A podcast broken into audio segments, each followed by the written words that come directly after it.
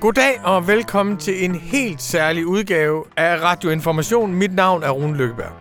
Det er blevet en tradition, at jeg en gang om året besøger min gamle ven og vejleder, Bo Lidegaard, i hans sommerhus, som ligger på Vestjylland.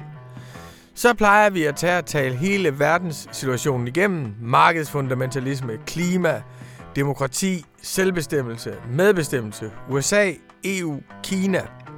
Alle de store spørgsmål vender vi hver sommer. Men det her seneste halve år har været så dramatisk, så nu tager vi faktisk og klipper året over. Og så laver vi også en nytårsudgave. Og den her gang er det ikke mig, der kommer til Bo. Det er Bo, der kommer til mig. Jeg har indkaldt Bo, fordi det har været så ekstremt dramatisk, hvad der er sket på klimafronten, men også hvad der er sket i forhold til opbruddet rundt omkring i de politiske systemer, og ikke mindst selvfølgelig for at drille Bo Lidegaard med hans forudsigelse om det tyske valg. Fordi i juli fortalte Bo jo mig, at det var helt sikkert, at Armin Laschet ville blive kansler. Sådan gik det desværre for Bo, men heldigvis for Europa. Ikke, det blev jo Olaf Scholz. Desværre, og det er altså endnu mere desværre, så kan Bo også huske, hvem jeg forudsagde, der ville blive amerikansk præsident, og sådan gik det altså heller ikke helt. Her er i hvert fald min nytårssamtale med Bo Lidegaard om hele verdenssituationen.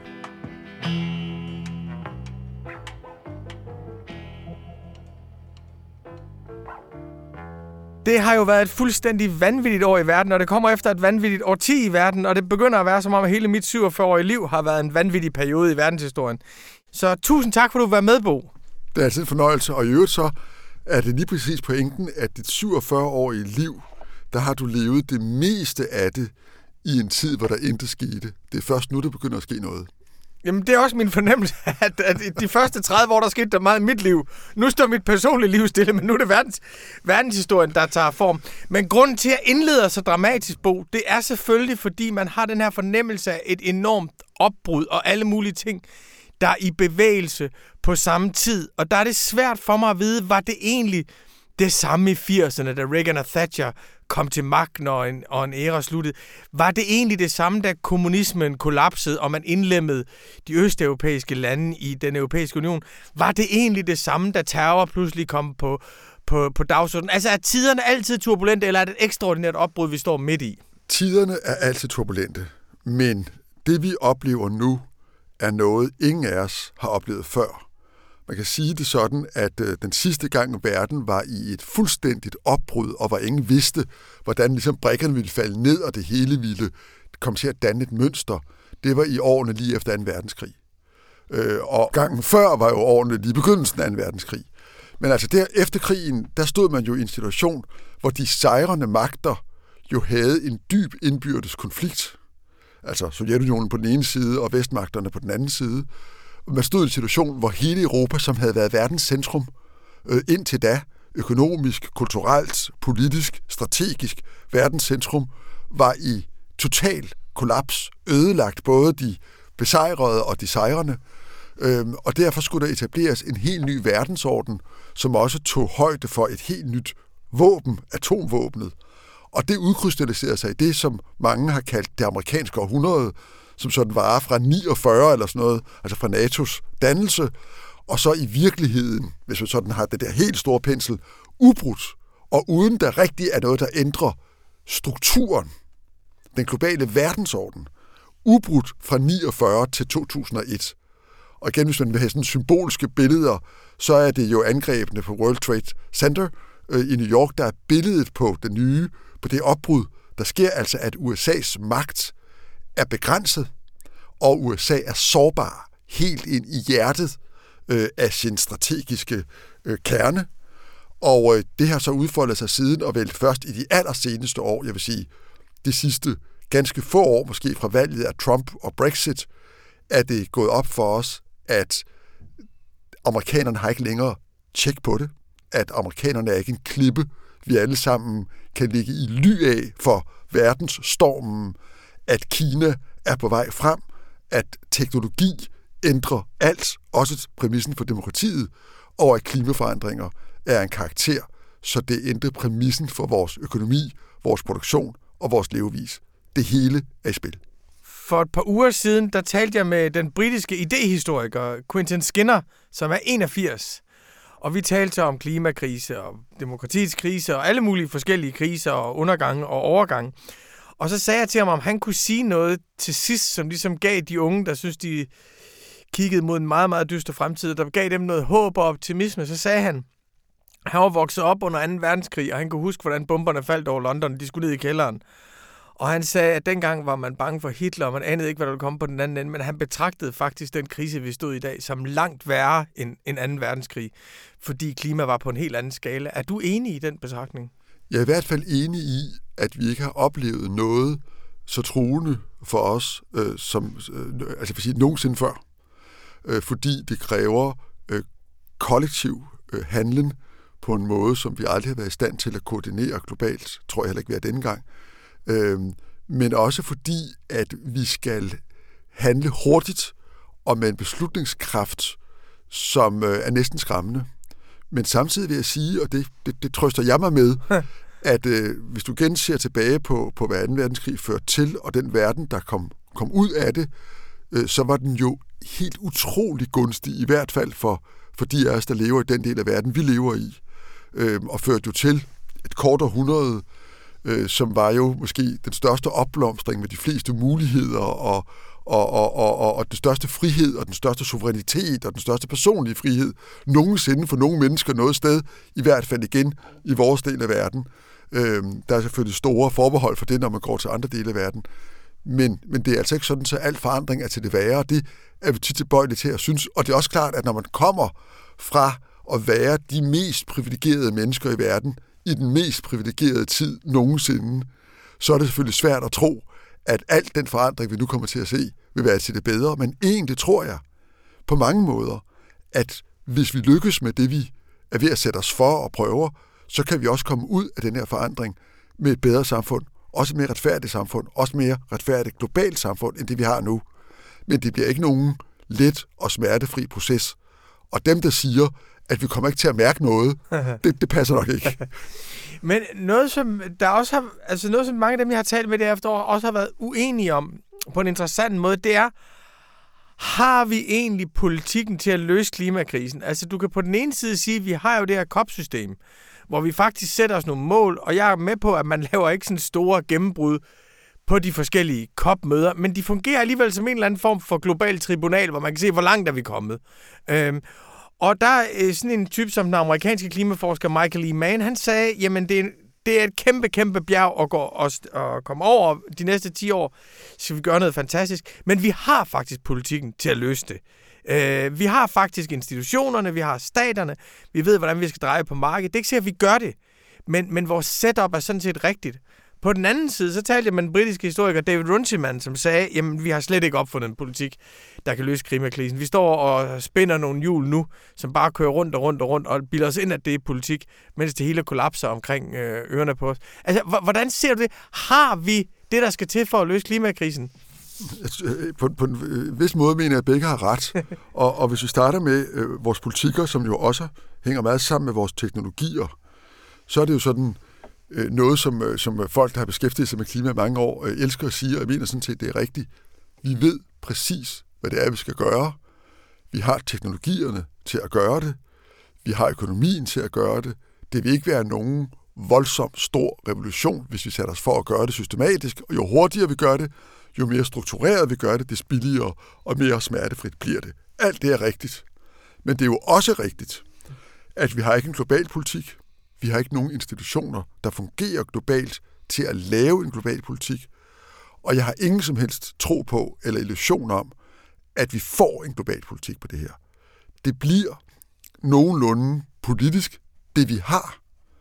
Men det, som kommer til at ske, og det, som jo allerede er ved at ske, i virkeligheden tror jeg, at vi måske inden for det sidste år eller to, er begyndt at tage hul på altså det der opbrud, som betyder, at tingene kommer ud af det leje, de var i. Ikke midlertidigt, men permanent. Det vil sige, nu har vi fået inflation, vi har fået væsentligt højere energipriser, og det tror jeg, vi bliver ved med at have. Jeg tror, øh, hele vores, vores langsommelighed med at få indfaset de vedvarende energikilder kommer til at ramme os ganske hårdt nu, fordi Vi har jo forsømt de sidste 10 år, og vi er jo i nogen grad os selv i Danmark, men det er jo i højere grad øh, resten af Europa, og i endnu højere grad resten af verden. Den forsømmelighed, den langsommelighed, den underinvestering, den øh, nonchalance, kan du sige, i forhold til, øh, hvor alvorligt det her problem er, det betyder jo, at vi nu står i et meget, meget, meget hård øh, konflikt mellem, vi på den ene side øh, begynder at squeeze de fossile brændstoffer ud, og det er vi simpelthen pinedød nødt til, men vi har ikke alternativet. Vi har ikke bygget alternativet. Og det vil sige, at vi kommer til at mangle energi. Det vil sige, at den bliver dyrere, og det at mangle energi er jo voldsomt øh, øh, øh indgribende i hele vores samfund, og det tror jeg, vi kommer til at opleve de kommende år. Øh, nu snakker man meget om, at der ikke er gas nok i Europa, altså, ja. det er der jo sådan set øh, nok af lige nu, men, men lige bag ved den sådan lidt mere politisk skabte gaskrise, som nu driver energipriserne op, så det er altså mange dobles, der tror jeg, vi vil opleve i de følgende år meget mere fundamentalt og strukturelt, at vi simpelthen ikke har den energi, vi skal bruge, fordi vi har været alt for langsomme med at udbygge den vedvarende energi. Men hvis man så ser, altså et eller andet sted, hvis man, man bliver jo ligesom nødt til at sige, hvad for nogle hjul har vi, der kører hurtigt, og der må vi jo erkende, at finansmarkederne, de kører i hvert fald hurtigt. Øh, tit har de gjort det destruktivt. Men nu lever vi jo i sådan en eller anden form for drøm om, at finansmarkederne kan hjælpe os med at realisere et politisk mål. At vi kan flytte penge fra fossile industrier over mod øh, over mod grønne energier. Det, det er jo sådan ligesom, det, det, det, det skal i hvert fald ske, for det skal være, prisen skal ned, og det skal være profitabelt, og de store pensionskasser og kapitalforvaltere skal derover. Men når jeg så ser på, hvad der sker i verden, Bo, så ser jeg jo, at det har man så talt om lang tid, men så pludselig så stiger oliepriserne igen. Og så ser jeg, at vores venner I siger i Financial Times, ha ha ha, det er skide godt at investere i noget, folk ikke kan lide, for man tjener enormt mange penge på det. Så tænker jeg, at den der finanskapitalisme, den kan vi jo ikke, altså den virker jo imod vores interesser. Men, men, men altså, den, det frygtelige paradoks her er jo, at øh, når prisen på fossile brændstoffer stiger nu, at det i høj grad, fordi de mekanismer, du beskriver, virker, Præcis. For det, der sker, er jo, at vi er begyndt at underinvestere i fossile brændstoffer. Altså, der er ikke rigtig nogen på finansmarkederne, der tror på, at vi kommer til at have øh, et, et voksende fossilt marked på kul og olie, knap nok på gas, om 20 år. Og den investeringer i den her sektor er 20 eller 30 eller 40-årige, så tør investeringerne ud. Og så forestiller vi os ligesom på en eller anden måde, at så bliver det bare ved med at flyde lige så stille, så længe vi har brug for det, og så holder det, så tør det ligesom ud i takt, vi får bygget det andet op.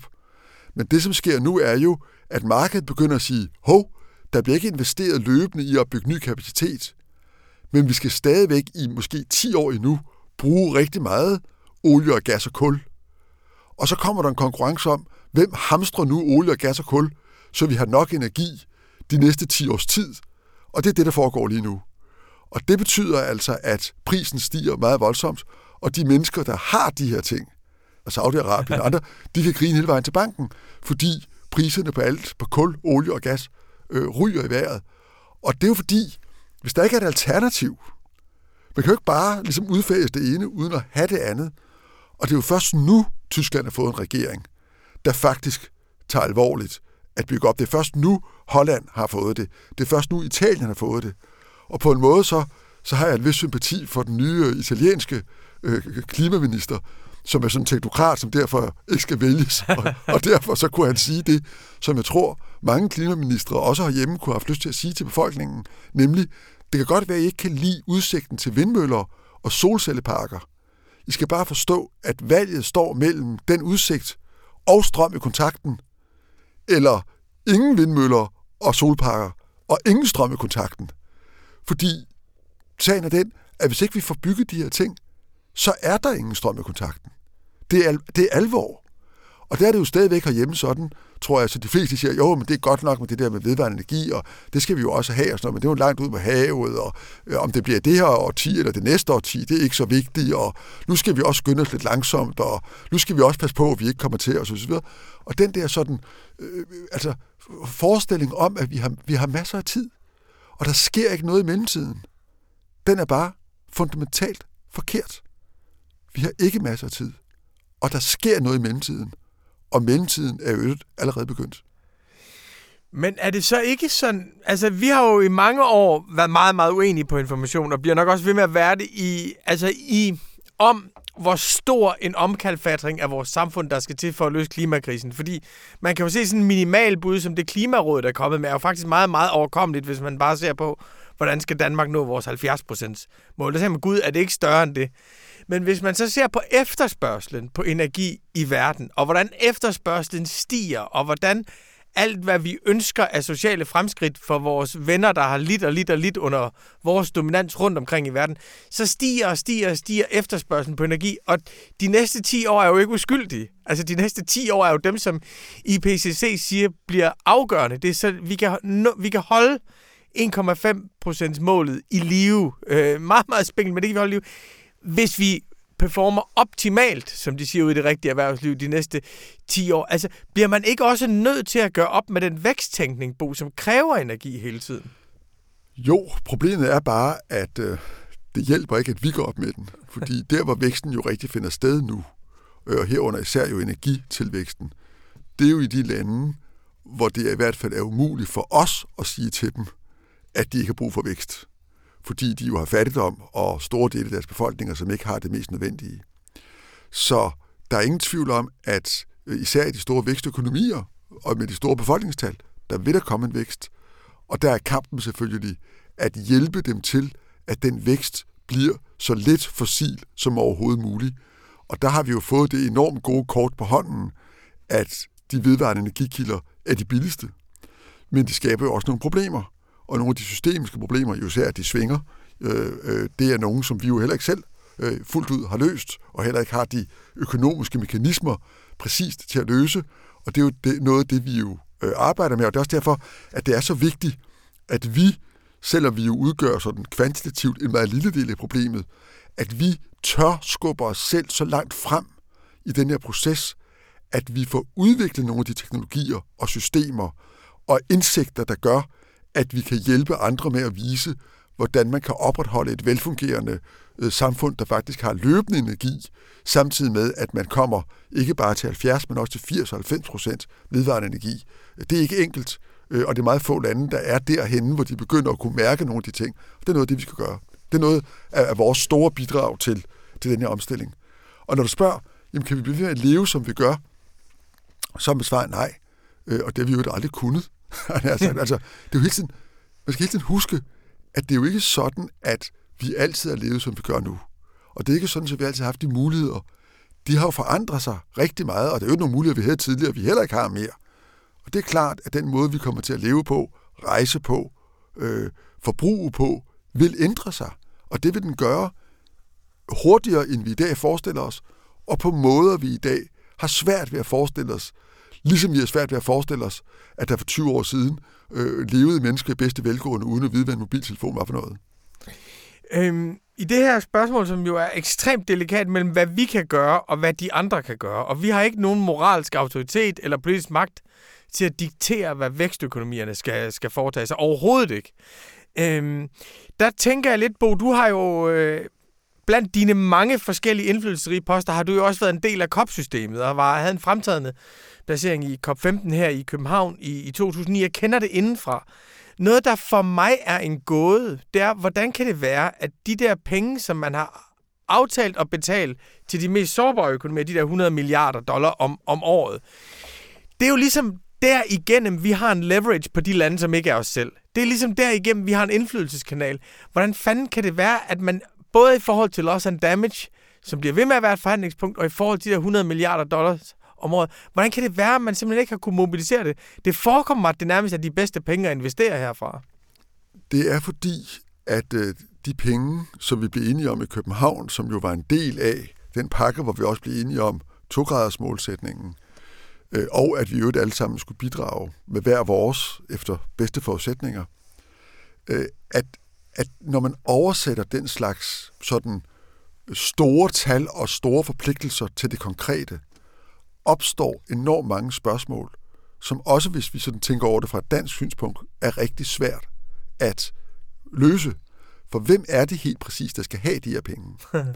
øh, øh, er det regeringerne i de her lande? Mange af de her regeringer er ekstremt korrupte og ekstremt asociale. Øh, hvor, hvor langt skal vi, som de lande, der betaler, gå ind i at betinge os, hvad pengene faktisk bliver brugt til? Og der har det jo været udviklingslandenes øh, synspunkt, og det er det stadigvæk i COP-systemet, at vi skal ikke blande os i det, for disse penge er jo ikke udviklingsbistand. Det er jo klimabistand. Så vi skylder dem pengene, for vi er ansvarlige for os at skabe problemet. Og det sidste er jo rigtigt. Og man kan også godt mene moralsk, at vi skylder dem det. Men hvem er de?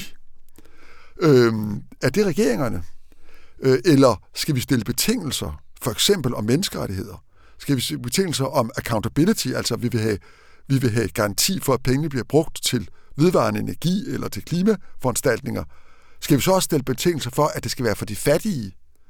Øhm, at det faktisk går til at afhjælpe øh, effekterne af global opvarmning, som jo allerede mærkes, især for de fattige? Har vi ret til at stille den type betingelser? Og der er det jo sådan, både hvis man er en regering, tager vi bare den danske, at så har skatteyderne jo, vælgerne, en forventning om, at regeringen faktisk stiller sådanne betingelser. Vi har en idé om, at det er vigtigt, at det er en støtte, som også kommer de mest udsatte, måske også kommer kvinder, måske kommer børn, fattige osv. til gode. Men den, den form for betingelser accepterer udviklingslandene rent principielt ikke. Hverken de regeringer, som sådan set fint vil kunne administrere de her penge, også på en måde, vi kunne være tilfredse med i hvert fald i et vist omfang, men de regeringer, som er de mest korrupte, de mest asociale, hvor der er mindst rule of law, det er dem, der råber allerhøjst med, vi vil ikke acceptere nogen form for indblanding. I indbetaler bare beløbet på min bankkonto, hmm. siger forhandleren, altså billedligt talt, ikke? Og I skal ikke blande jer i, hvordan jeg bruger pengene. Det har I ingen moralsk ret til. I er bare kolonialister. Og, og der bliver det begynder det at blive svært, fordi der er ikke nogen donorlande, der bare kan udstede blankochecks. Og det betyder så, så, vi, så vil vi bygge en green fund, så må vi lave nogen. Men hvem skal så bestemme over den? Og hvem har flertallet? Og hvem kan så sige, sige nu skal I, nu har I forpligtet jer til at udbetale de her penge. For hvem er det egentlig, der får pengene? Og hvad bruger de dem til? Så det er en rigtig, rigtig besværlig diskussion. Og det samme gælder den del af pengene, som kommer fra de private investeringer. For de har jo mange af de samme problemer. Vi vil gerne investere i at lave grøn energi til, øh, til landdistrikter i Indien, øh, som slet ikke har adgang til energi. Men kan de få de tilstrækkelige garantier for, at de ikke skal betale korruption til den lokale regering? At de øh, kan få prof, at den, øh, den øh, profit, der kommer af, selvom det er en lav profit, og, er der ligesom de garantier for, at der ikke pludselig er nogen, der siger, at øvrigt nationaliserer vi det her, eller tager pengene væk, eller gør, lægger en særlig skat på, som gør, at nogle lokale magthavere i virkeligheden høster gevinsten. For hvis det er sådan, så vil private jo ikke investere, heller ikke pensionskasser, heller ikke de folk, der ved det godt. Så det er lige så snart, man kommer ned i alt det, det begynder at hænge sammen med de bredere politiske problemer, og dermed også de problemer, som jo ikke bare er, at vi har et ansvar, og de er dem, det er synd for, men også hænger sammen med de forhold, der er i de enkelte lande, som jo tit langt fra er ideelle. Og, og vi er jo ikke bange for at stille os på den høje moralske hest, når det gælder alle de andre spørgsmål. Tværtimod, så er vi jo blevet meget mere optaget af, at ligesom skulle fortælle resten af verden, hvordan den skal opføre sig. Så de, de der forskellige dagsordner, de kolliderer med et ordentligt brag. Derfor. Øh, jeg får lyst til at sige tre ting til det. Heldigvis er det tre rigtig korte ting. Den første er, at det er jo et utroligt godt eksempel på, at her har vi noget, global opvarmning, hvor vi har en nærmest moralsk ubærlig kolonial arv. Altså at vi har gjort noget i vores del af verden, som andre uskyldige bærer omkostningerne for. Men at meget ofte dem i de lande, der råber op om kolonialisme, de bruger kolonialismens spøgelse som argument for at kunne undertrykke deres egen befolkning. Og i øvrigt leve på en levefod og med et, med et individuelt carbon footprint, der er langt større end dynamit. ja, og det er jo ligesom det, Frans Fanon sagde allerede, da han skrev øh, De fordømte her på jorden, at kolonialismespøgelset vil blive brugt af dem i de fattige lande, som vil bebrejde dem i de rige lande, for at få en begrundelse for at undertrykke deres egen befolkninger. Den næste ting er, at det her er også et godt eksempel, og det her er en point, du vil elske på. Det her er også et godt eksempel på at noget, der tager sig ud som en moralsk dagsorden. Altså det, der tager sig ud som moralske problemer. Vi er dårlige mennesker. Vi har ikke betalt. de er uskyldige mennesker, vi har ikke givet dem penge. At det viser sig at være et pragmatisk problem, når det kommer til stykket. Og det betyder ikke, at moral ikke betyder noget, men det betyder, at alle moralske løsninger, som er relevante, de går gennem pragmatik og ikke gennem moral. Er det ikke rigtigt en pointe, du godt kan lide på? Det er det, og jeg vil godt give dig et andet fremragende øh, og, og helt aktuelt eksempel på det her dilemma. Øhm, øh, altså, Kina er jo i dag verdens største udleder af drivhusgasser. Øhm, og, øh, og jo på, i alle fremskrivninger er det Kina, der er afgørende for, om vi kan komme i land. Fordi det er der, den store vækst finder sted. Indien kommer jo bagefter dem, vil, vil blive lige så stor, men lige nu, de næste 10 år, der er der kun én ting at sige. Uanset hvad alle andre gør i verden, bliver det her spørgsmål, når vi det, afgjort i Kina. Det ved Kina selvfølgelig godt. Kina gør rigtig, rigtig meget, også mere end de fleste gør sig klart.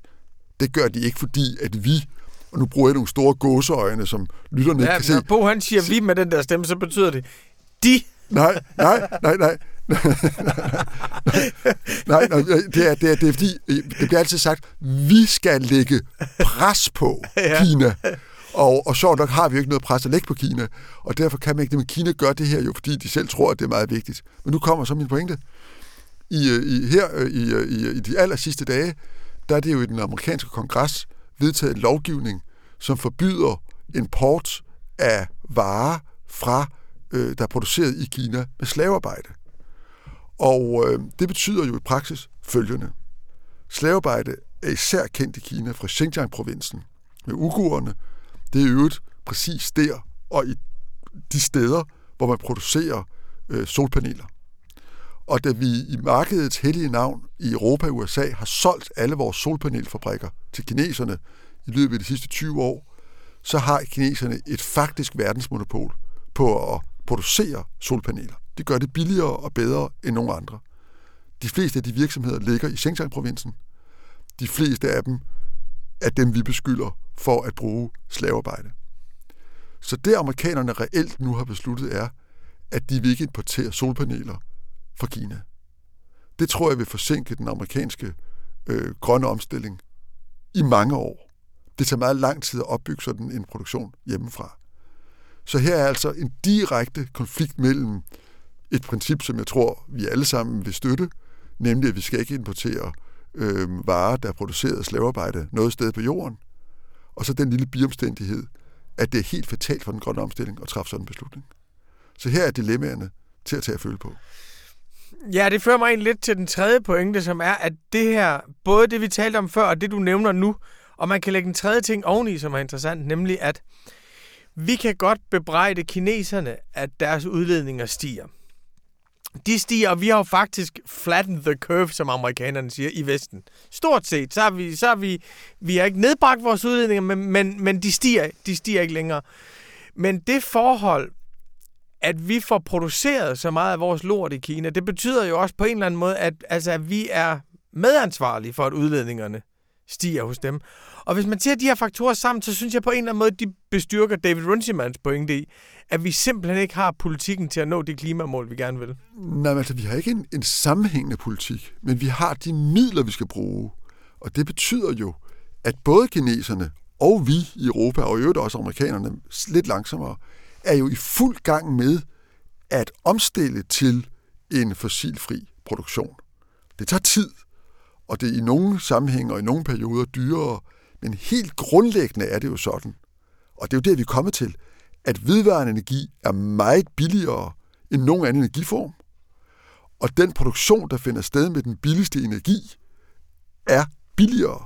Så vi går altså fra en dyrere, mere ineffektiv, mere ressourceforbrugende økonomi til en mere effektiv og mindre ressourceforbrugende øh, øh, teknologi. Så vi går fra noget, som vi har prøvet mange gange før i historien, der er enormt forurenende, tungt, besværligt, men virker, til noget, der er snillere, smartere og billigere. Det er den proces, vi er inde i.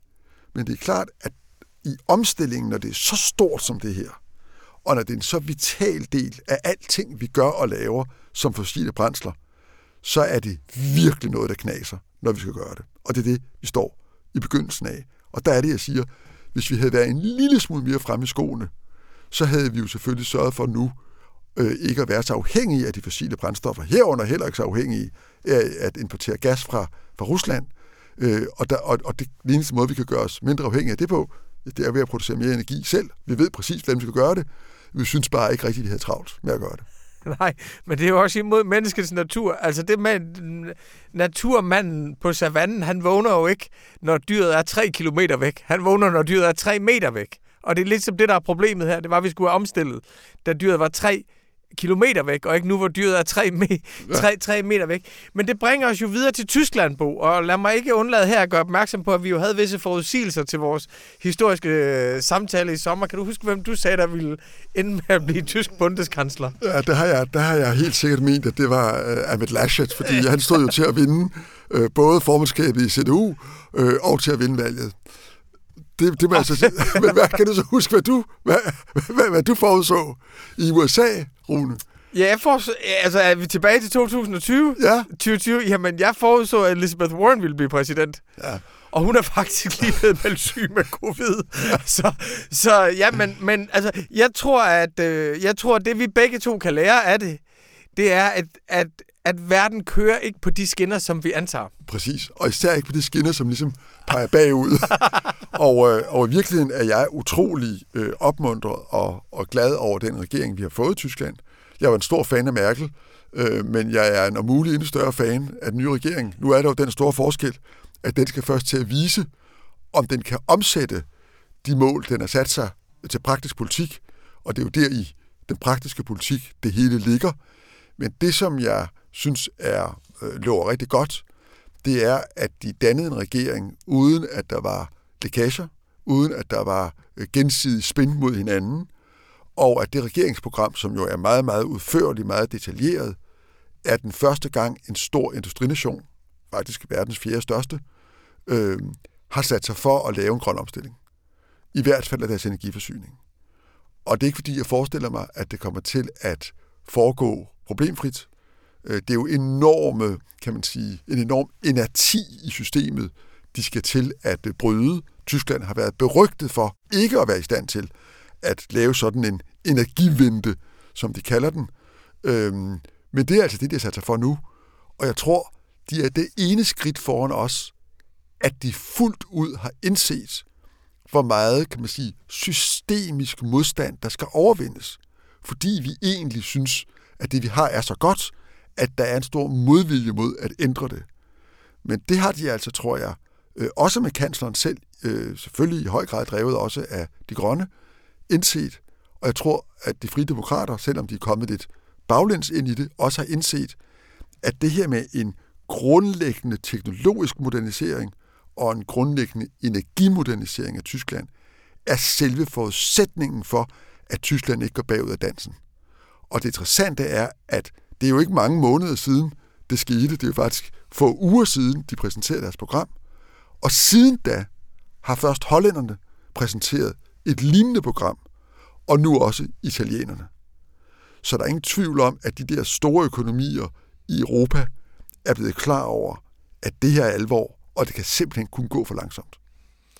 Ja, altså det er mig eftersom jeg jo kender dig rigtig godt, og i det store hele sætter pris på, på dig din analyse, så er det mig desværre ikke helt ubegribeligt, at du sætter så stor pris på Merkel. For mig, jeg kan ikke for, altså jeg synes, jeg synes, hun stod i vejen for en grøn omstilling i, øh, i, i Tyskland, og jeg synes, hendes favorisering af den tyske bilindustri var ødelæggende for en nation, der havde politisk økonomisk magt til at drive en omstilling frem i, øh, i Europa, og hun vidste jo alt, hvad der skulle til. Hun er jo gammel miljøminister og, og, og forsker, og jeg bliver nødt til at indskyde som parentes, altså hvordan kan du, altså hvis vi ser på, at vi har handlet for langsomt, og så går man tilbage og ser historien, hvem havde muligheden for at handle? Hvem havde kortene på hånden?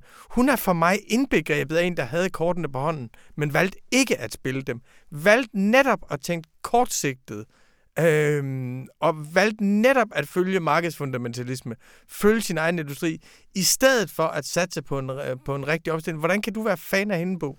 Jeg synes, at du skal bare se på, øh, på vores eget hjemlige politiske miljø, og hvor svært øh, vi har det øh, ved at forstå radikaliteten af det, der skal ske, og hvor svært vores egen venstrefløj også har øh, ved at forstå, at man kan ikke lave en grøn omstilling, øh, uden at det kommer til at koste, uden at det også kommer til at ramme, uden at det også kommer til at ramme befolkningens brede lag, og også det nederste lag. Dermed er jo ikke sagt, at man ikke skal tænke den sociale dimension ind. Det skal man indlysende. Øh, og man skal selvfølgelig, hvis man skal lykkes med det i demokratiske lande, sørge for, at dem, der udgør befolkningens nederste del, så vidt muligt bliver friholdt og bliver kompenseret. Og jeg tror, det man kalder climate justice, øh, også i vores egne lande, er utrolig vigtigt. Men hvis man bruger det som sådan en slags proxy for at sige, øh, enten de skal ikke mærke det, eller I skal ikke, I vælgere, altså vores vælgere, I skal ikke mærke det, de er de rige, altså alle de andre, der skal betale. Øh, hør, så, er man, så er man fej, fordi de rige er jo i vores land 90 procent af befolkningen. Øh, og vi kommer til at mærke det her. Øh, det er ikke nogen undskyldning for ikke at gøre noget ved de sidste 10 eller 20 procent, men de kommer også til at mærke det. Så det er den ene ting.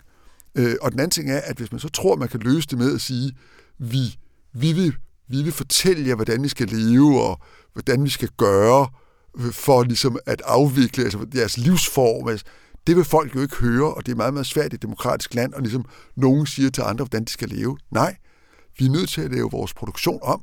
Vi er nødt til at lave vores industri om, og gøre det på en måde, der er rentabel og profitabelt. Og det synes jeg er lidt, ligger lidt tungt også hjemme med at, at sige det her til vælgerne. Og det er også derfor, at vi, trods af at vi har enormt meget i munden, jo faktisk ikke heller har fået gjort det her i tide og fået røven med os, rent sagt. Lad os ikke gå dybt ned i Angela Merkels status, øh, statushullet, men bare øh, erkende vores uenighed. Men noget, som jeg synes, der er interessant, Bo, ved, ved klimapolitik, det er, at det ligesom har indfået en ny dimension i vores måde at følge politik på. Og der er vores regering jo meget interessant, fordi den kom, nu nævnte du Holland, du nævnte Italien, vi kunne også have nævnt UK. Altså, de forskellige industrinationer melder nu ud med nogle meget ambitiøse klimamål. Og i starten, altså der går fem minutter, hvor man jubler. I starten gik der et kvarter. Og så er det man spørgsmål, hvordan når vi så hen til de mål? Og det betyder, at valgløftet er egentlig ikke så interessant i sig selv. Det, som er det interessante, det kan vi jo se med vores egen regering, og her er vi jo lidt foran de andre lande, det er ikke bare, hvordan når man derhen, men hvordan monitorerer man vejen derhen. Og, og, og det synes jeg er en enorm interessant dimension i politik, at vi har de her mål, målsætninger, som er... Det, klimapolitik har det vist sig desværre, det er mellemregningerne. Desværre, det er ikke, det er ikke facit. Og hvis du så ser på den her meget, det her meget, meget grundige tyske regeringsprogram, der er nogle meget store målsætninger øh, i den. Der er, også, der er også nogle steder, som er kritiske, som er meget fluffy, og så er der det med, at når alt kommer til alt, så er der også nogle fundamentale modsætninger mellem de tre partier, som er i regering. Hvordan ser du realismen i det her projekt, og hvad skal vi holde øje med? Jeg, jeg vil jo endda ikke engang gå til mellemregningerne, men for mig er der sådan, sådan set kun én ting, der tæller. Får vi gjort noget, der, tager, der bringer udledningen ned i praksis, og hvornår? Det, ja. er, det er det interessant, ikke? Og, øh, og øh, jeg er ikke så interesseret i de tyske målsætninger, som jeg er interesseret i, at de træffer nogle principielle beslutninger, som tyder på, at de har tænkt sig at, at, at, at få det til at ske i praksis. Ikke? De sætter 2% af deres land af til vindmøller. Og de definerer i regeringsprogrammet, at det her det er altså strategisk infrastruktur. Og det betyder, at de får nogle redskaber i forhold til delstaterne. Og så skal de jo ramme en ekstremt hård, fin balance, og det kommer lidt tilbage til, til din kritik af Merkel og min kritik af os selv. Øhm, nemlig, at på den ene side skal folk jo med. Man kan jo ikke i demokratiske lande føre politik imod befolkningen. Det, det kan jo ikke lade sig gøre. Det er jo derfor, man, det ligger jo ligesom i begrebet demokrati. Så man er jo nødt til meget mere offensivt at gøre lidt som min nye italienske held og forklare folk, ja. at det er altså ikke et luksusproblem, det her. Det er ikke noget med, det vil være meget fedt at have mere grøn energi, bare vi ikke skal se på det, og ikke skal betale for det, og ligesom ikke skal tænke på det, og bare det kan være fuldstændig en glidende overgang fra det ene til det andet. Hvis nu virkeligheden er lidt mere brutal, at for at få det, så kræver det for eksempel, at vi sætter nogle flere vindmøller op, større møller. Og det er faktisk federe ikke at have dem. Men omvendt er de i en vis forstand ret uskadelige, og det kan være, at vi finder på noget smartere om 10, 20 eller 30 år, og så skal vi rive dem ned igen, og så er der ingen skade sket. Men altså, min pointe er, det her kræver, at man faktisk gør det, politik handler om, nemlig prioritere. Hvad er vigtigst? Hvad er nødvendigt? Og tager diskussionen med vælgerne om, hvad er vigtigst? Hvad er nødvendigt? Og der tror jeg egentlig, at når man kommer derhen, så kan folk, som de er flest, som vi er flest, godt se, okay, lad os nu gøre det, der er vigtigt, og det, der er nødvendigt. Lad os prøve at komme væk fra symbolpolitikken. Lad os prøve at komme væk fra, at vi skal sådan sige, jamen det, der ikke betyder så meget for os, lad os forbyde det. Og så, altså, alt det der med sådan, jamen vi der ikke tager for, for lange rejser, øh, vi er med på, og det, det skal man ikke have lov til. Og vi som i øvrigt er vegetarer, vi synes, kød skal forbydes. Altså, den form for politik er jo symbolpolitik. Det er jo, når man går ned i at sige, hvor meget vil vi sætte af til hvad? Af vores natur, af vores land, af vores udsigt, af vores økonomi. For at nå nogle mål, eller for at nå en, en praktisk gennemførelse af noget, vi alle sammen er enige om er nødvendigt. Og hvordan vil vi formindske skaden mest muligt over for almenvældet, og hvordan vil vi så kompensere dem, der alligevel bliver ramt. Det er sådan, politik er. Og så nogle hårde diskussioner om de her ting, dem synes jeg, vi har udsat med sådan luftige forestillinger om, at vi finder på noget nye teknologier, og vi har ikke lige løsningen lige nu. Det har vi. Men vi vil bare ikke træffe beslutningerne, fordi beslutningerne er ikke problemfri. Og vi er nødt til at tale om de beslutninger. I øjeblikket er man ved at lægge en, en, øh, en øh, gasledning ned fra, fra Norge, Baltic Line, som kunne være en del af løsningen på transitionsproblemet i Tyskland. Og den blev jo standsligt stoppet, fordi øh, nu støder man på en hasselmus, øh, og den er beskyttet efter et EU-direktiv, og hvor lang tid, hvor mange måneder skal myndighederne nu have til at overveje, hvordan man gør ved det. Og det er jo altså biodiversitet er jo en, en vigtig ting, og det er jo en fuldstændig lødig og nødvendig, at vi beskytter natur. Men hvad er proportionaliteten? Og igen, politik handler jo meget om at sige, ja, det her er vigtigt, det her andet er også vigtigt. Hvad er vigtigst? Og hvordan kompenserer vi så for, at vi måske faktisk nu får, får ødelagt et levested for en hasselmus? Og den slags beslutninger, tror jeg, at den tyske regering har indset, at dem er de altså nødt til at løfte op på et politisk niveau – hvor man kan træffe dem. Og jeg tror, det kommer til at gøre enormt ondt på ikke mindst de grønne, fordi jeg tror, mange af de grønne, altså de grønne i Tyskland, jeg tror, mange af deres lokale vælgere ude i lænderne, de er meget på naturbeskyttelse. Og de vil synes, det er forfærdeligt, der skal lægges kabler ud, og der skal stilles møller op, og der skal gøres andre ting, som jo er stor infrastruktur. Det er ikke noget romantisk, det her. Det er rigtig tung infrastruktur deres sådan, vi vil gerne beskytte vores helt lokale miljø, som jo altså har vi alle sammen enormt stor sympati for. Og så på den anden side et stor industrination, der har brug for rigtig meget energi.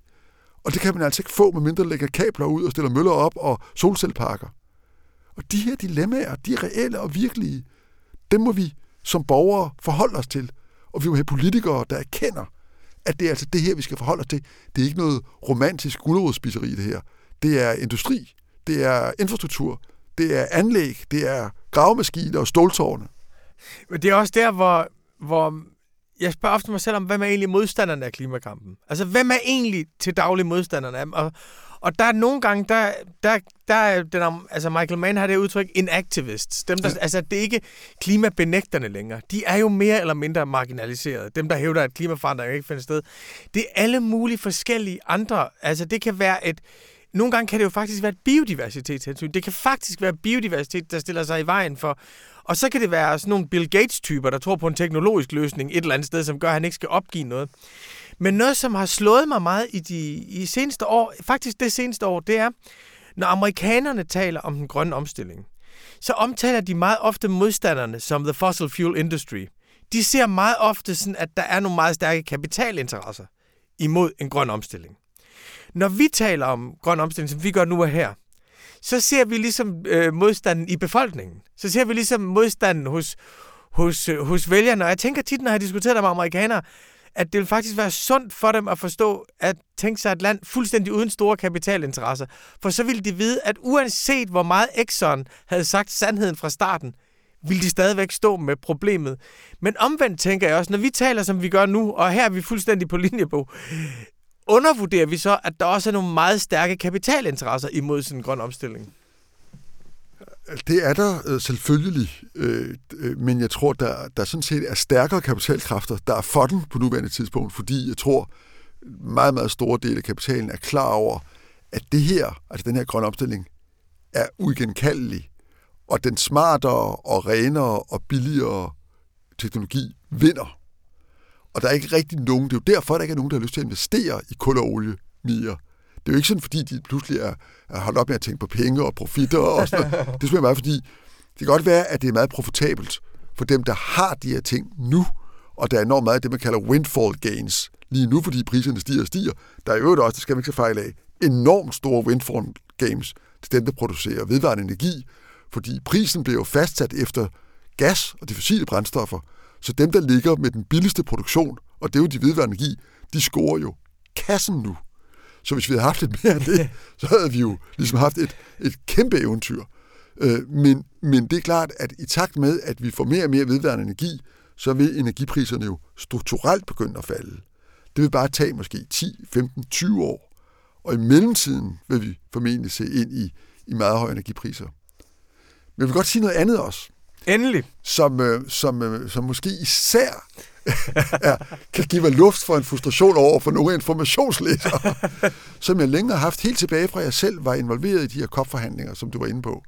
Nemlig at noget af det storkapitalen, hvis du vil det, eller de store multinationale selskaber, noget af det, der virkelig mangler for at ligesom holde dem fast på, at alt det grønne, de siger, at det også er noget, de mener, og at det er noget, de gennemfører. Ja. Noget af det, der mangler, det er jo sådan en slags global overvågning, nogle globale standarder, at de ikke bare kan slippe afsted med det ene sted og sige, at vi er enormt grønne, og så opererer de et helt andet sted, øh, hvor de producerer ting. Meget, Præcis, meget der mangler grønt. accountability. Der mangler accountability. Øh, jeg synes, der generelt står alt, alt for mange aktivister uden for der, hvor deres politikere er, og siger til deres politikere, I skal gøre det, vi siger. Så kan de se ud som isbjørne og står derude og brøler og siger, hvorfor gør I ikke sådan, som vi siger? Og, og, og ligesom aktionerer i forhold til nogle politikere, der jo dybest set står til ansvar over for deres vælgere, ikke over for nogle aktivister. Men at de ikke har fundet ud af endnu, de her unge, begavede, internationalt orienterede mennesker, og sørge for at organisere sig på en måde, så det der i gamle dage var en vestlig forbrugerbevægelse, som kunne stille virksomheder til ansvar for, hvad de faktisk gjorde i et marked, at de gjorde det globalt, sådan så de sørger for at holde øje med nogle af de der pledges, nogle af de der øh, øh, løfter, som de store virksomheder giver, at de bliver fuldt op globalt, og for at organisere sig globalt, sådan så de virksomheder og den store kapital, der opererer globalt, også støder over for nogle bevægelser, der opererer globalt. Ikke med aktioner og sådan fan- fantasifulde, spektakulære aktioner, men faktisk ved at holde øje med, hvad der foregår. Og rapportere det, og benchmarke det, og helt banalt fortælle det. Sådan så vi andre ligesom vil have mulighed for at holde virksomhederne stille dem til regnskab. Fordi det, at det ikke er opstået, det, at aktivistmiljøerne ikke har skabt sådan en slags global overvågningsmekanisme, sikkert decentralt og sikkert øh, græsrodsbaseret, men at det ikke sker, men de i stedet for står, sådan som man stod i 60'erne og råber nogle politikere med nogle skilte, det fatter jeg simpelthen ikke. Det er så in, uinnovativt for aktivister, så jeg synes, det går helt ondt. Det er faktisk sjovt, du siger det, for jeg er et til et enig med dig. Altså, og også at, hvis man tager det et skridt videre, at hvis al protest retter sig mod det politiske centrum, som i en eller anden forstand stadigvæk er fællesskabets knytnæve, så risikerer man faktisk også at svække det, der er ens egen handlekraft. Og vi ved godt, at hvis vi svækker fællesskabets knytnæve, så er der altså nogle meget, meget stærke kapitalinteresser, der kører hen over os. Så at den, hvis man siger, at man har en magt, som bevægelse, så skal man jo rette dem mod dem, der har mest brug for en modmagt. Og det er i meget, meget høj grad virksomheder og globale selskaber, som kan slippe afsted med alt muligt. Og vi ser det jo gang på gang, når virksomheder de bliver udsat for bare en lille smule af det samme pres, som politikere lever under hver, hver dag, så krakelerer de på ingen tid. Altså Danske Bank er et, er, et, er et godt eksempel. Det er sjovt, fordi de amerikanske klimabevægelser har faktisk, Bill McKibben er jo gået meget op i det der med, lad Washington være, tag BlackRock i stedet for, og sådan De, faktisk, de har faktisk, Sunrise har faktisk bevæget sig derhen af, men det fører os over til et punkt, vi også skal nå, Bo. Og det er jo, hvordan det går i Amerika, fordi Joe Biden, som jo blev præsident for omkring et år siden, valgte en strategi, som jeg har meget, meget stor sympati for. Jeg har meget stor sympati for, at han valgte at sige, at klimaudfordringen er en anledning til at gøre op med nogle groteske uretfærdigheder i vores samfund. En ulighed, der er gået amok. Et socialt sikkerhedsnet, som er ødelagt. Så han valgte ligesom at bruge den grønne omstilling til at lave en maksimal reform af det amerikanske samfund. Noget, som og der kan man sige, at han bruger klima som anledning til at gennemføre noget socialt. Du kan også sige, at han bruger klima som anledning til at skabe et bedre samfund. Men hvor står Bidens store klimaplan, som jeg vil have hæppet på fra Warren og Bernie Sanders ført den frem, og til nu, hvor står den nu? Ja, den står jo, øh, den står jo rigtig skidt øh, i den forstand, at, at det, der, den der, det der projekt løb jo ind i, for det første, altså hvor svagt det demokratiske parti egentlig står, og de har jo altså, som bekendt jo altså kun lige akkurat med lodder og trisser øh, øh, flertal i senatet, øh, og kun ved hjælp af vicepræsidentens øh, ekstra stemme, kan man sige, og, eller afgørende stemme, og øh, det, der er kommet til at stå klart de sidste par dage, er, at der er ikke flertal for den store plan. Det tror jeg, der ville have været, hvis alt andet havde været lige, men det alt andet er ikke lige, og det har at gøre igen med den her, det her opbrud, som jo selvfølgelig også har haft at gøre med pandemien og alt, hvad der der er sket, at vi har jo levet nu i, i lang tid med en økonomi med ekstremt lave renter, og alle økonomer har sagt, at det kan ikke blive ved, det kan ikke blive ved på et eller andet tidspunkt, der sker der noget, øh, og vi har levet med en ekstremt lav inflation, og økonomerne har sagt, det ser ud som om, at det ikke kan ændre sig, men på et eller andet tidspunkt vil det ændre sig, og rigtig meget tyder jo på, at det har ændret sig. Øhm, og nu øh, skændes man så om, jamen holder det et kvartal, den inflation, eller to kvartaler, eller måske i virkeligheden er vi inde i en ny situation, og er inflationen så 2%, eller 3%, eller 4%? Nogle af os har jo levet længe nok til, at vi kan huske, da renten var på 18 og 19 procent. Ja. Altså, da øh, mine forældre købte vores barndomshjem, der var renten på 18 procent. og, og det har man jo svært ved at forstå i dag, hvis ikke man samtidig forstår, at dengang var der også stor inflation og en hel masse andre ting. Så det er jo et opbrud i den økonomi, vi næsten havde vendt os til, var stabilt. Og, og det er jo i den opbrudssituation, det er ligesom i kapløbet med tiden, er blevet sværere og sværere for Biden og for den der lovgivning, som det så ud, som om han faktisk kunne få igennem lige over målstregen. Han har ligesom været fremme ved målstregen, eller været lige fremme, men det kviksand, han løber i, er blevet dybere og dybere, og, og den der målstreg har flyttet sig, og de sidste par dage ser det ud som om, at i hvert fald håbet om den store pakke øh, er, er, er, er gået væk. Og hvis man skal prøve i det, i det skibbrud, at se øh, øh, bare en lille smule positivt øh, øh, elementer, så er der jo nogen i USA, sådan i centrum af det demokratiske parti, der siger, det var måske det, der skulle til for at få venstrefløjen og højrefløjen til at samles om noget lidt mere realistisk. Jeg ville også, jeg har det som du, jeg vil også ønske, fordi jeg deler din analyse af, at de underliggende problemer i USA er jo dybest set sociale. Eller kan du sige, fraværet af en fornuftig velfærdstankegang, hvor man investerer fornuftigt i almindelige menneskers uddannelse og sundhed.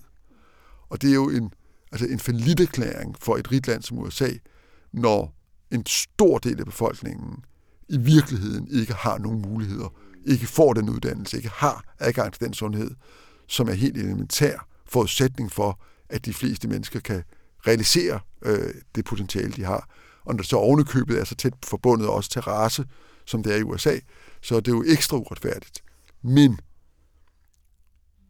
jeg tror ikke, at grundelementerne i Build Back Better bliver vedtaget. Jeg tror, at nogle af de sociale elementer, måske bliver det, nogle enkelte af klimaelementerne, måske også bliver det, men det bliver meget mere beskedent øh, og øh, altså en helt anden størrelsesorden, end den, du og jeg havde håbet på. Man kan sige, og her vender jeg lidt tilbage til noget, vi talte om i starten, og det er jo ikke tilfældigt, det er jo fordi, det er planlagt. Hvad hedder det? Altså det, man også må spørge sig selv om, altså jeg, nej, jeg kan sige det på den måde. Da Biden han blev indsat som præsident, der havde jeg selv, også på grund af Donald Trumps alder, altså simpelthen på grund af hans alder, der havde jeg en forestilling om, at Trump var en parentes i USA's historie. Altså ligesom på en eller anden måde markedsfundamentalismens groteske kulmination. Øh, og, øh, og at han, at han var en parentes, og han, den måde, han faldt på, var så uværdig. Og jeg minder også om, for når jeg siger det, jeg synes folk altid er naiv, hvor få der faktisk var, der fulgte ham til sidst. Den dag, han forlod det hvide hus, der holdt han, sådan en, der holdt han det, der skulle have været et rally, der stod 200 mennesker. Så vi troede faktisk, Trump var færdig for et år siden. Nu et år senere, der har Trump større tilslutning i målinger, end Joe Biden har. Og spørgsmålet er, ser det ud som om nu, at det var Joe Biden, der var en parentes, med høj inflation, totalt politisk polarisering, en corona, hvor han jo nærmest erklærede den overvundet i sommer. Altså, det billede står lidt ligesom George W. Bush på øh, krigsskibet, der siger, at vi har vundet over Irak. Joe Biden, der står og siger, at vi har slået corona. Jeg tror, det var i juli, han, øh, han sagde det. Altså, er det Joe Biden nu, der fremstår som parentes, og Trump, der står stærk? Jeg tror i hvert fald ikke, der er nogen af os, der til forudse, at, at vi ved præsidentvalget øh, i 24 øh, med en eller anden form for sikkerhed får en ny demokratisk præsident. Det er jo i, i bedste fald et åbent spørgsmål. Jeg tror faktisk, det er et åbent spørgsmål, og rigtig meget afhænger også af, hvem den demokratiske præsidentkandidat bliver, og hvem den republikanske bliver. Fordi hvis man overhovedet kan svare på det spørgsmål, du stiller, så tror jeg, at svaret er, at amerikansk politik er forandret for altid. Øhm, og hvordan det kommer til at udfolde sig nu først ved, ved, ved, ved midtermvalget næste år, og så ved præsidentvalget to år senere, det er nærmest uforudsigeligt, netop fordi, at det er ikke en videreførelse af hele det system, vi kender fra 2. verdenskrig og frem efter. Det er noget nyt. Øhm, personligt tror jeg så ikke, det bliver Trump selv i, om så må sige, værste fald, men det kunne meget let blive en, øh, øh altså en højre republikaner, en republikaner, der ligger meget langt ude på, på, på højrefløjen, og efter vores standarder ekstremt langt ude på højrefløjen. Øh, så, så, så, så det er lige præcis derfor også, at vi er nødt til at forstå i vores del af verden, at plejer findes ikke mere. Og amerikansk politik kommer ikke til at vende tilbage til et mønster, som ligesom ligner det, vi kender. Øh, jeg vil ikke helt afskrive hverken Biden eller, eller det, det demokratiske parti, men enhver kan jo se, at det opbrud i amerikansk politik, som ligesom Trump kom til at symbolisere, og jo også øh, altså blev en del af, i høj grad promovere, at det opbrud er langt fra forbi. Øhm, og, øh, og den historie er først lige øh, ved at begynde. Øh, og derfor er det jo også så, øh, helt øh, tvingende nødvendigt, at vi i Europa, og vi selv i et lille Danmark, genlærer os det, som vi jo helt har opgivet at lære, nemlig at tænke strategisk. Altså at tænke, hvad er det egentlig for en situation, vi er i, og hvordan kan vi i de kommende år manøvrere, så vi ikke mister grundlaget for det, der er vores samfund. Og det er jo, det er jo, det er jo vi er jo oppe på den klinge, hvor det at genlære de 100 år strategisk tænkning, der fulgte efter 1864, hvor det gik op for os på den hårde måde, at et lille land, der begår store fejl, kan blive udslettet på landkortet. Øh, det, det huskede vi sådan i omtrent 100-120 år. Øh, nu har vi glemt det. Øh, det tror jeg, vi skal til at genlære fordi det er en farlig verden, vi lever i. Europa er et svagt sted. Vi har en afgørende interesse i at styrke Europa, fordi et stærkt Europa er også den bedste garanti for et stærkt USA. Øhm, øh, forestillingen om, at hvis vi svækker Europa, får vi et stærkere USA, det er forkert. Det er omvendt. Forestillingen om, at hvis vi ligesom lægger alle vores æg i den amerikanske kurv, så bliver vi mere populære i Washington. Øh, det er også forkert. øh, det er omvendt jo stærkere Europa, jo stærkere Danmark er i Europa, det stærkere står vi også i Washington. Og de her sådan helt grundlæggende indsigter i, hvor Danmark står strategisk, det er altså på i aller, aller yderste øjeblik, vi begynder at, at, at læse de gamle tekstbøger igen. Til allersidst, Bo, øhm, jeg tror, jeg, jeg kan i hvert fald sige to ting, som jeg synes er positive. Den ene, det er meget minimalt positivt, det må jeg erkende. Men i 90'erne var der sådan lidt en stemning af, at vi var lidt uheldige, fordi det historiske drama var overstået. At alle de store bedrifter og de store udfordringer af menneskeheden, de havde fundet sted. Og jeg kan huske, at Fukuyama skrev i uh, The End of History, hvilket gjorde meget stort indtryk på mig, da jeg læste det, at der er det paradoks i menneskelivet, at man skal konfronteres med nogle meget store trusler, for at fremkalde det bedste i sig selv. Og når der ikke er store trusler, så bliver man dårligere mennesker. Og der troede jeg virkelig, at vi ikke var konfronteret med så store trusler, så vi ville blive dårligere mennesker. Og der må man jo sige, at vi lever i det, kineserne kalder interessante tider, og vi er konfronteret med nogle trusler, der faktisk har potentiale til at fremkalde det bedste i os. Det er den ene positive ting, jeg vil sige. Det næste er, at der er jo hele tiden i det her opbrud, der sker jo hele tiden positive ting. Altså, jeg synes, ligesom dig, det er positivt, at Scholz bliver kansler i, i Tyskland. Socialdemokratiet bliver, bliver bliver, bliver genrejst. Der er i det her opbrud, der er en masse negative ting, men der er også hele tiden nogle positive ting, øh, som jeg varmer mig ved. Jeg synes, det er interessant, at Nordeuropa nu er socialdemokratisk. Jeg synes, det er en, enormt interessant, at, øh, at den socialdemokratiske bevægelse har genfundet sig selv på et lidt andet niveau, og med nogle meget lavere stemmetal, og de er afhængige af alliancer. Det er ikke folkepartier længere. Men jeg vil her til sidst spørge dig, Bo, hvad når du kigger ind i 2022? Altså det, du har størst forventninger til? Det er, øh, at vi får fat i denne her øh, energiomstilling i Europa på en større klinge, og at tingene i virkeligheden kommer til at gå hurtigere og ikke langsommere, end vi forestiller os, fordi vi indser, hvor kort tid vi har, og hvor store konsekvenser det får, hvis vi ikke får løst det. Så jeg har sådan, når, når jeg er sådan optimistisk, for jeg er nemlig meget enig med dig i også det første, du sagde, at, at det, det, det her har også evnen til at få det bedste op i os. Og jeg bliver ved med at tænke på, hvor meget vi kan, hvis vi, tager, altså, hvad, hvis vi gør det. Altså, det. Vi er jo sådan nogle, og vi er nogle samfund, hvor vores kapacitet er utrolig stor, hvis vi først sætter os for at tænke, nu lægger vi lige øh, vores uenighed til side et øjeblik, og så trækker vi afsted med det. Så er vi både herhjemme, men, men også generelt i Europa, enormt stærkere. Der synes jeg faktisk, pandemien har været også nogle, vist nogle opløftende eksempler, eksempler på, hvad vi kan, hvis vi vil, hvor velorganiseret, hvor dygtige vi er, hvis det er det, der ligesom kommer op i os, og hvis vi sådan appellerer til de ting hos hinanden, som er vores opfindsomhed og vores pragmatisme og vores flid, øh, og vores evne til at få ting til at ske. Og nu er der altså nogle ting, der skal til at ske, og det skal ske meget, meget hurtigere, end vi havde forestillet os.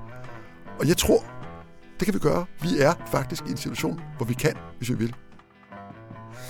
Bo, min øh, vidunderlige ven og meget, meget gode samtalepartner, tusind tak for, at du kom forbi. Jeg kan ikke vente til, til sommer, hvor jeg kommer ud på dit sommerhus om et halvt år og ser, hvordan det er gået. Og så må vi se, hvor meget af det, vi, vi sagde nu, som, som holder og tænk bare på, hvor kort den tidshorisont er. Ja, og hvor meget der kan være sket. Og til radioinformationslyttere vil jeg sige godt nytår. Vi vender utrolig stærkt tilbage næste år. Ikke mindst med sommersamtalen med Bo Lidegaard. Tak for den gang, og glædelig nytår til alle.